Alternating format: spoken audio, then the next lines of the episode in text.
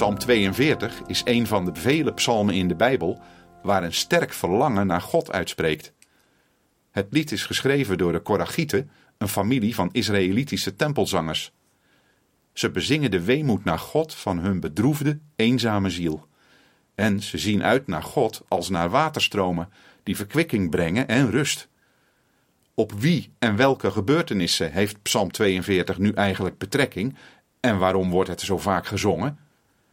Het lied, zoals het in de Bijbel staat, geeft heel duidelijk de gemoedstoestand en tweestrijd weer van de dichter.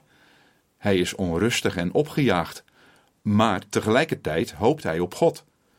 Hij verkeert in moeilijke omstandigheden, ver van Gods aangezicht, bespot en ten dode toe vervolgd. De zanger spreekt zichzelf moed in. God zal hem uiteindelijk niet aan zijn lot overlaten. Natuurlijk handelt dit Bijbelse lied in de eerste plaats over de Korachieten zelf. Veel uitleggers menen dat dit lied geschreven is in de tijd dat David met de zijnen moest vluchten voor Absalom. David stuurde de Levieten, die in het heiligdom dienst moesten doen, terug. Maar de Korachieten, die als poortwachters minder nauw bij de tempeldienst waren betrokken, bleven bij David. Ze zijn ver van de tempel verwijderd en dat is reden voor grote droefheid. Een droefheid die zij ongetwijfeld delen met David.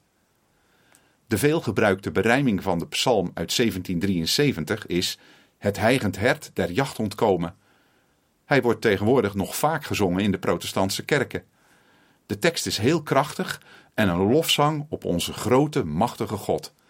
En hij vraagt als het ware om gezongen te worden. In het eerste couplet worden de moeilijke omstandigheden gezien in het licht van de herinnering aan betere dagen, toen er reden en vrijheid was om de feesten van de Heer te vieren.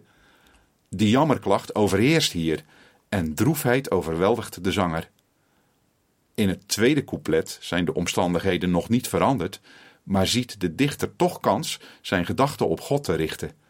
Hij erkent dat het God is die ook deze omstandigheden toelaat en misschien zelfs, zoals tot reiniging van zonde, nodig acht.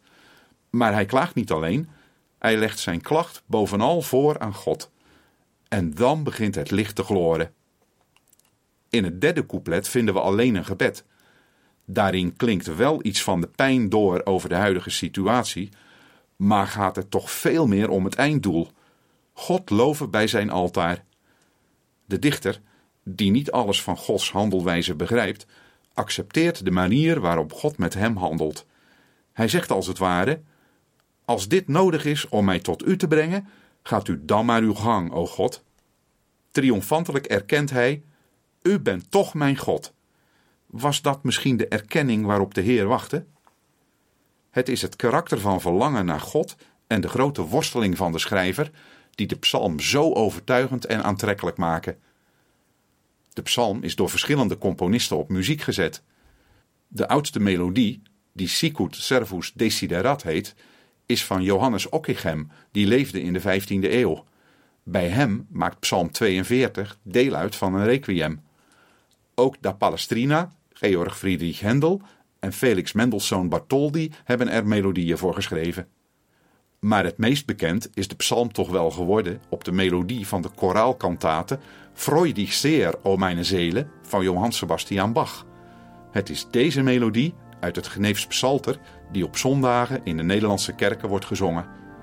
Luistert u naar de coupletten 1, 3 en 5 van Het heigend hert der jacht ontkomen